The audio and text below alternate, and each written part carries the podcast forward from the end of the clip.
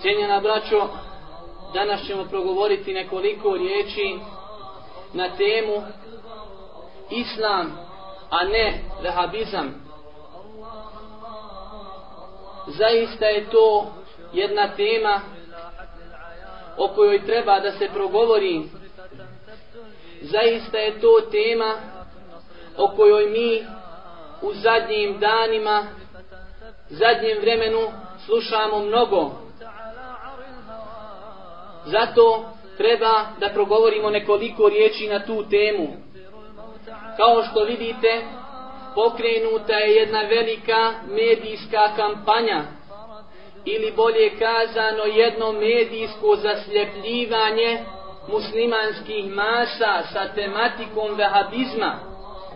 Tematikom koja se dosta puta povezuje sa još aktuel, aktuelnijom tematikom, a to je terorizam i borba protiv terorizma. Zasigurno, braćo moja draga, i te kako je bitno da čovjek musliman zna o ovoj tematici nešto više. Zasigurno je interesantno znati ko stoji iza ove medijske hajke. Kome je u cilju da se određa, određena skupina momaka pre, prikaže u najgorem obliku. Kome je u cilju da na ovu temu govore ljudi koji nisu kompetentni da govore o tome.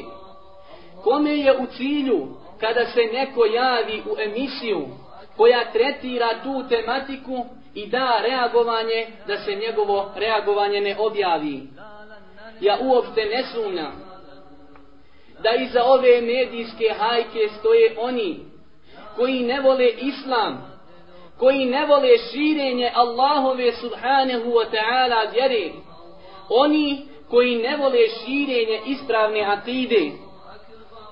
Zato ćemo, braćo moja draga, pokušati u ovoj današnjoj hudbi da damo odgovor na nekoliko pitanja koje, koja su i tekako bitna a velik broj muslimana ne zna odgovor na ta pitanja. Da kažemo ko je te ljude, takozvane vehabije, nazvao tim imenom. Ko se cilja sa tim imenom? Šta je cilj nazivanja određene skupine ljudi vehabijama? Braćo moja draga, ovo su pitanja na koja bi svako od nas trebao znati odgovor. Braćo moja draga, boli me mnogo kada vidim veliku razjedinjenost muslimana. Boli me, braćo moja draga, to što velik broj muslimana malo poznaje svoju vjeru, pa mu se može servirati svašta do te mjere da ljudi ne razlikuju istinu od neistine, niti razlikuju dobro od zla. Boli me to što kod velikog broja muslimana može proći to da mu kažeš da oni ljudi koji nose brade, da oni ljudi čije žene su pokrivene, da oni ljudi koji su ostavili harame kao što je duhan, alkohol, droga, da oni ljudi koji klanjaju pet vakata namaza, da oni ljudi koji su u prvom safu, da oni ljudi koji znanje islamsko uzimaju od najeminentnijih učenjaka današnjice sa dokazima Kur'ana i sunneta, da su to plaćenici. Kod muslimana može proći to da su takvi ljudi plaćenici, da su to potencijalni teroristi. Oni su teroristi zato što žele društvo u kojem nema korupcije, društvo u kojem nema droge, Društvo u kojem nema side, društvo u kojem nema ubistava, niti samoubistava, zato su teroristi. Nisu teroristi oni koji napadaju muslimanske povratnike, niti su teroristi oni koji ručnim bacačima napadaju muslimanske svetinje. To nisu teroristi. Braćo moja draga, sad ne vidite da je to spletka neprijatelja koji žele da ljude koji praktikuju Allahu vjeru prekažu kod njihovih ljudi kao teroriste. Boli me, braćo moja draga, to. Kada čovjek dođe u džaniju, vidi da ga pojedini ljudi mrze više nego što mrze ratne zločince. Zašto? Zato što diže ruke u namazu. Zato što ima bradu. Zato što je njegova žena pokrivena. Je li to islam? Je li to islam traži od nas? Da mrziš svoga brata muslimana samo zato što se s tobom razlikuje u nekoliko stvari koje imaju i tekako jaku podlogu u mezhebima. Je li nas tome uči islam? Imam osjećaj da pojedini ljudi voljeli bi da te vide pred birtijom nego da te vide pred džamijom i u džamiji. Je li to, braćo moja draga, islam kojem nas uči Boži poslanik, sallallahu alihi wasallame? Zato kažem, ne sumljam da iza ove medijske hajke, iza ovog medijskog zasljepljivanja stoje neprijatelji Islama. Oni koji žele da utrnu Allahovo subhanahu wa ta'ala svjetlo, ali neka znaju neće uspjeti, jer Allahovo svjetlo će ostati sve do sudnjega dana. Makar to neprijateljima ne bilo drago. Islam je jedina vjera, za čiju originalnost je garantovao uzvišeni stvoritelj sve do sudnjega dana.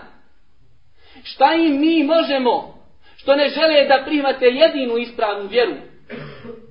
Jedina ispravna vjera kod Allaha subhanahu wa ta'ala jeste islam.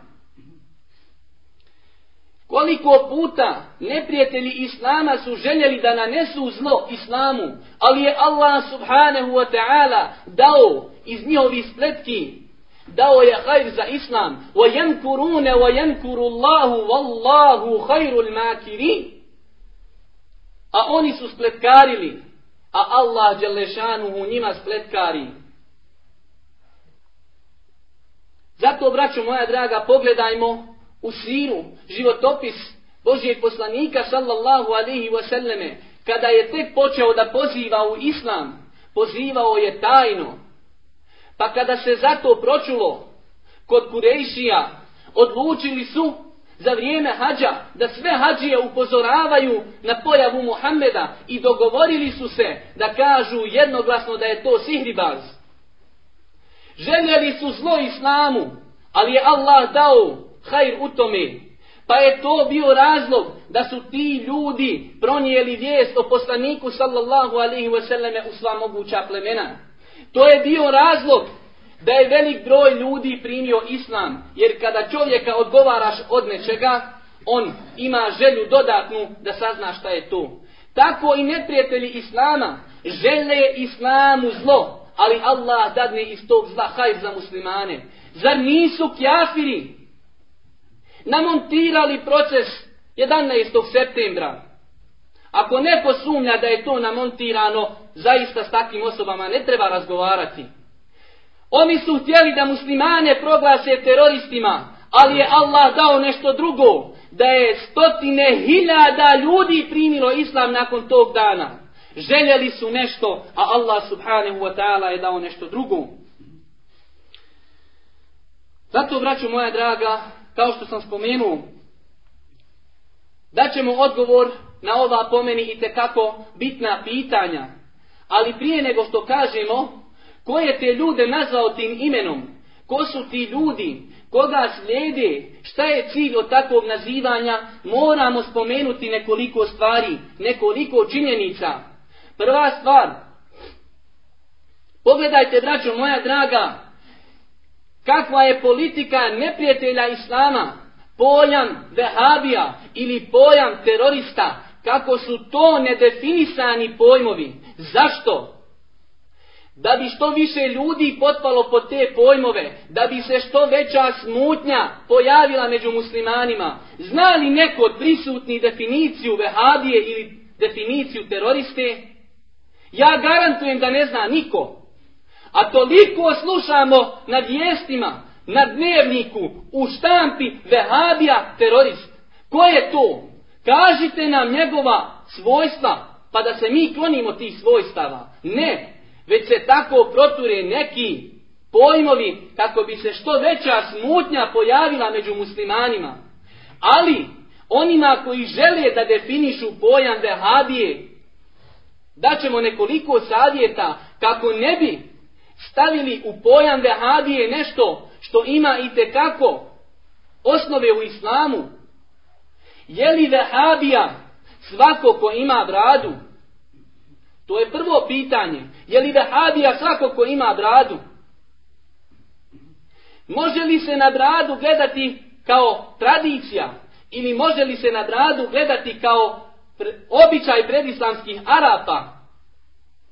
Ne želim da spominjem ovdje mišljenja mezheba, pošto nemamo vremena, želim da spomenem samo neke činjenice. Više, više hadisa je došlo u kojima Boži poslanik naređuje puštanje brade, a poznato je u šerijatskoj terminologiji, kada Boži poslanik nešto naredi da je ta stvar vađiv.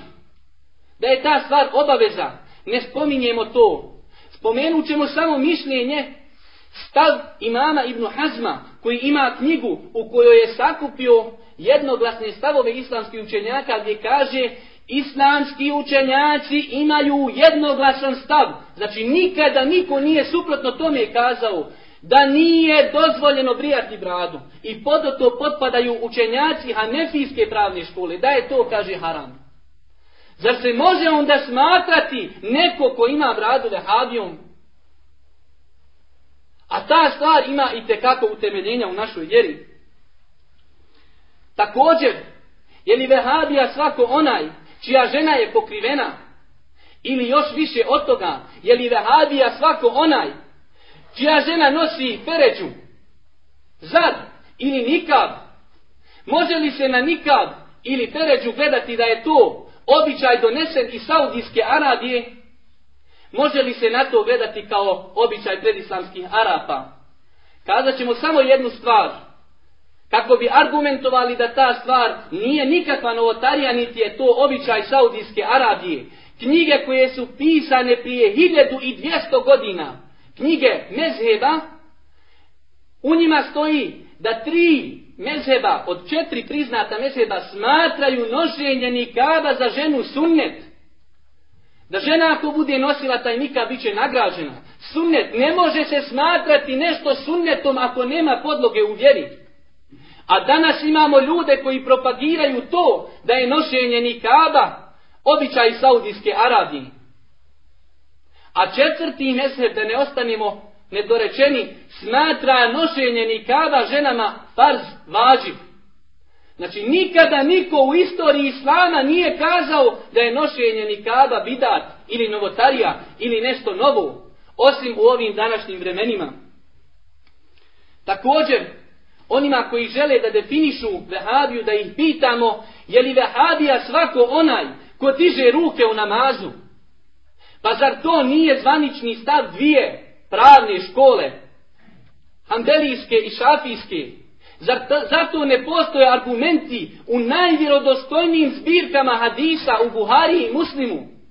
Od Ibn Omera radijallahu ta'ala anhu da je Boži poslanik sallallahu alihi wasallam dizao ruke tri puta u namazu. Kod početnog tekbira, prilikom odlaska na ruku i prilikom povratka na ruku. Zašto to ne znamo?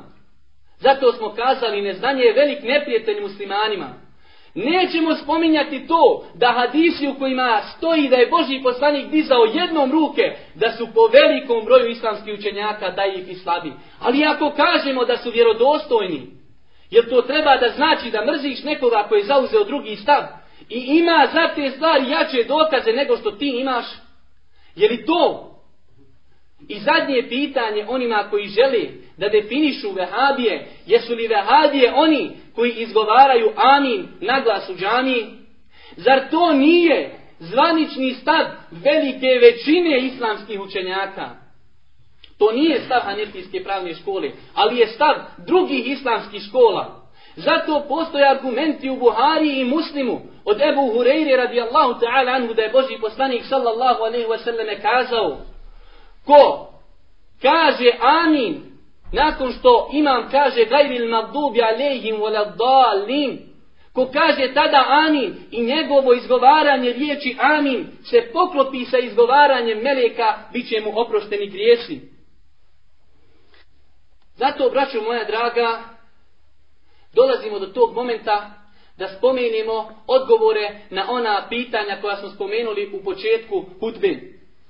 Ko je takozvane vehabije nazvao vehabijama? Nazvale su je, nazvale su i zalutale sekte koje se pripisuju islamu, a u načelima njihovih sekti dosta stvari je u kontradiktornosti sa islamom. Pa se postavlja pitanje zašto su ih nazvali tim imenom. Odgovor je jednostavan. Zato što ti ljudi, tako zvane vehabije, jer ja se ne slažem sa tim imenom ni u kom slučaju, takozvane vehabije podižu svoj glas protiv onih stvari koje oni praktikuju, a u kontradiktornosti su sa islamom. Zato je trebalo te ljude, takozvane vehabije, strpati u neku nigdje postojeću sektu. Nigdje postojeću sektu kako bi se njihov autoritet umanjio. Kako bi se ljudi odbili od slijedženja takvih ljudi. Zato kažemo u nigdje postojeću sektu. Zato što nigdje na svijetu nema država, grad, organizacija koja kaže za sebe mi smo vehabije. I to bi trebalo razumnom insanu da bude dovoljan dokaz čije je maslo da se neko naziva vehabijum. Pogledajte, braćo moja draga, kako je jeftina kjafirska politika, ali je muslimani ne razumiju. Zašto te sljedbenike nisu nazvali Muhammedije? Zato što je čovjek koji koji oni smatraju osnivačem tog pokreta zove se Muhammed ibn Abdul Wahab, sin Abdul Wahabov. Ispadoše sljedbenici njegovi da su sljedbenici njegovog oca, jer njegov otac je zvao Abdul Wahab. Ali da su nazvali te ljude Muhammedije, ljudi bi kontali pa ovi slijede Muhammeda poslanika kao što ga i slijede. Ali njima to nije trebalo. Trebalo im je da im nadju neko ime, neke sekte, Pa su ih nazvali Vahabije. Ali je, braćo moja draga, to providno za one ljude koji imaju znanja u Allahovoj subhanahu wa ta'ala vjeri. Također pitanje koje se postavlja koga oni nazivaju neprijatelji Islama vehabijama. Vehabijama nazivaju svaku osobu koja želi da svoj život uskladi prema načelima Islama želi da živi po islamu i za islam, a ne od islama.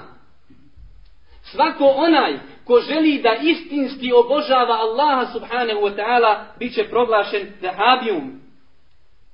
Zašto? Zato što on diže svoj glas protiv toga da postoje ljudi, vođe nekih sekti koji su na nivou božanstva. Zato što on podiže svoj glas protiv toga da se od pojedinih ljudi traži blagoslov i bereket na način kako to šerijat ne dozvoljava. Zato što on podiže svoj glas protiv toga da neko psuje i vrijeđa najveće velikane ovog ummeta, da neko vrijeđa Ebu Bekra, Omara, Osmana radijallahu ta'ala anhu da neko smatra Aliju radijallahu ta'ala anhu poslanikom ili neuzu billahi božanstvom, zato je on vehabija, zato što podiže svoj glas protiv toga. Pitanje koga neprijatelji Islama smatraju osnivačem tog pokreta takozvanih vehabija, smatraju čovjeka koji se zvao Muhammed ibn Abdul Wahab, O njemu bi se moglo kazati mnogo toga, ali to nije vrijeme. Ova hudba nije vrijeme da se govori o njegovoj biografiji. Dovoljno je kazati samo nekoliko stvari. Prva stvar, da je taj čovjek bio jedan od učenjaka ehli sunneta wal džemata. Da je to bio čovjek koji je pozivao u ispravno obožavanje Allaha subhanahu wa ta'ala čistog od novotarija da je to bio čovjek koji je pozivao u ono što su pozivala četvorica imama, ono u što je pozivao imam, naš imam Ebu Hanife, u to je pozivao i imam Muhammed ibn Abdul Wahab. Kako je jeftina ta politika?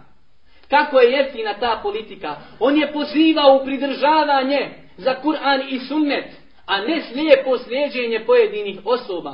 Pozivao je u to da kada se u njegovim knjigama i dijelima nađe nešto što je u kontradiktornosti sa islamom, da se odbaci njegov govor u svakom slučaju, a da se da prednost govoru Allaha subhanahu wa ta'ala i govoru njegovog poslanika. Normalno, moramo kazati da taj čovjek nije bio bezgriješan, da neko ne pomisli da zagovaramo bezgriješnost tog čovjeka. To je samo jedan u nizu muslimanskih mučtehida i može se desiti da pogriješi, da neko ne pomisli da zagovaramo sve što je kazao Muhammed ibn Abdul Wahab da je ispravno. Ne, i taj čovjek može pogriješiti. Od svakog učenjaka se uzima i ostavlja osim od Božijeg poslanika sallallahu alihi wasallam.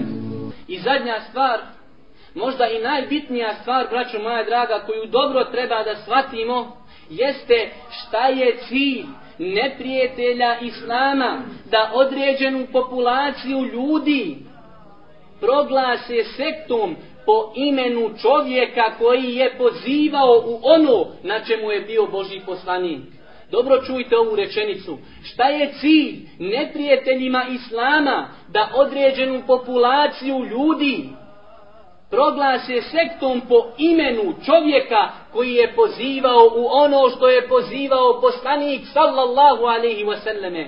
Jedan jedini cilj, braćo moja draga, da na taj način ljude odalje od praktikovanja izvornog islama, jer kada vidite ljude da praktikuju izvorni islam, onda će njima lako biti da kažu, e to su te vehabije, to su ti čiji osnivač je Muhammed ibn Abdul Wahab i tu će stati. A neće kazati to je ono na čemu je bio Boži poslanik sallallahu alaihi wasallame. Zato, braćo moja draga, zapamtite dobro, jedini cilj da se ti ljudi nazovu takvim imenom jeste da se ljudi odvrate od izvornog praktikovanja Islama, od toga da se daje prednost islamu nad tradicijom i nad običajima koji se krše sa šerijatom.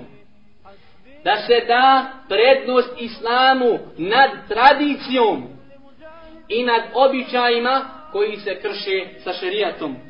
Zato na kraju ove hudbe pozivam sebe i sve vas da pazite na svoje ponašanje. Treba da kažemo za ljude koji su prozvani kao vehadije da i oni nisu bezgriješni i takvi ljudi griješi.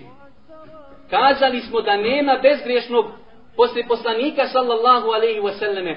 Takvi ljudi nekada pogriješe i dođu sa nekom stvari koja nema u šerijatu, iako je to rijetko, a nekada većina njihovih grešaka je u metodologiji pozivanja ljudi u islam. I to je greška koja treba da se popravlja. Niko je ne negira. Ljudi imaju dobre namjere da pozovu ljude u izvorni islam, ali pogreše metodologiju, žure. Kada su u pitanju rezultati, požuruju rezultate. U tom segmentu ne slijede Božijeg poslanika sallallahu alaihi wasallam, jer Božiji poslanik sallallahu alaihi wasallam mnogo je preporučivao mirnost, blagost, kada je u pitanju davet, pozivanje ljudi u Allahu subhanahu wa ta'ala vjeru. Zato sebe i vas pozivam, braću moja draga, da pazite na svoje ponašanje, kako to ne bi bio dokaz neprijateljima Islama, da naše greške oni stavljaju i etiketiraju Islam, da kažu, evo vidite, to je Islam, ono što se desilo u Novom pazaru. Ne želim da pričam ko je u pravu ako nije. Samo želim da kažem je li trebalo muslimanima da potegnu oružje jedni na druge zbog te spiha. To samo želim da kažem. A to će biti dodatni motiv neprijateljima Islama. Da kažu to je ta vjera Islam. To je ta vjera koja ne poznaje toleranciju, suživot, niti mir. A da imamo vremena spomenuo bi vam mnogo primjera iz Islama, od tolerancije Islama, spomenut ćemo samo jedan primjer i time ćemo završiti ovu našu hudbu. Za vrijeme Omera radijallahu ta'ala anhu, za vrijeme njegove hilafeta, Namjesnik u Egiptu je bio čovjek koji se zvao Abdullah ibn Amr ibn al-As, radi Allahu ta'ala anhu. Imao je sina koji se zvao Muhammed. Pa je taj njegov sin natjecao se sa jednim čovjekom u Egiptu, koptom, koji je bio nevjernik, kafir, pa ga je pobjedio taj kopt. Pa je taj sin namjesnika uzeo bić i udario tog kopta, pa mu je kazao, zar da pobjediš sina namjesnikovog? želeći da mu kaže ja sam uzvišeni od tebe, kako tebi, nevjerniku, doliči da mene pobjediš. Pa je taj čovjek, znajući da ima kome da se požali, iz Egipta uzjašio svoju devu i otišao u Medinu. Zašto? Zato što je znao da ima tamo čovjek koji se zove Omer. Čovjek od kojeg bježi šeitan. Zamislite, braćo, da mi danas imamo takav slučaj da moraš da podigneš parnicu protiv nekog iz vlasti. Niko se ne bi usudio. Ovaj čovjek, nevjernik, odlazi Omeru. Kada je došao u džamiju, kaže, tražim Omera.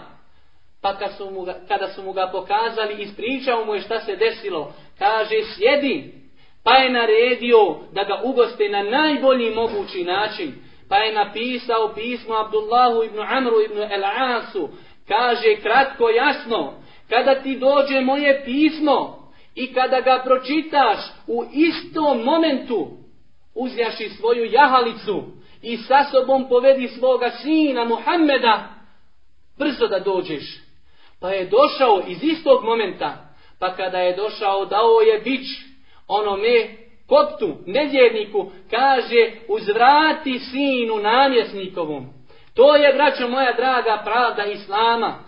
To je, braćo moja draga, pravo lice naše vjeri. I ima takvih primjera, tako mi Allah, kada bi sjedili, trebalo bi nam mnogo vremena da, toga, da to nešto spomenimo samo. To je naša vjera, ali su uspjeli neprijatelji Islama, da u očima ljudi pokažu Islam kao vjeru, terorizma, vjeru koja ne poznaje mir niti suživot. Molimo Allaha subhanahu wa ta'ala da nas učvrsti na pravom putu. Allahumma a'izzal al-islame wal muslimin. Allahumma a'izzal al-islame wal muslimin. Allahumma a'izzal al-islame wal muslimin. Wa azilla shirke wal mushrikin. Wa dammir illahumma a'da'aka a'da'a ad-din. اللهم احفظ دماء المسلمين وأموالهم وأعراضهم اللهم احفظ دماء المسلمين وأموالهم وأعراضهم. اللهم انصر إخواننا المجاهدين في كل مكان. اللهم انصر إخواننا المجاهدين في كل مكان. اللهم احفظ دماء المسلمين وأموالهم. اللهم احفظ دماء المسلمين وأموالهم. وصل اللهم على نبينا محمد وعلى آله وصحبه أجمعين.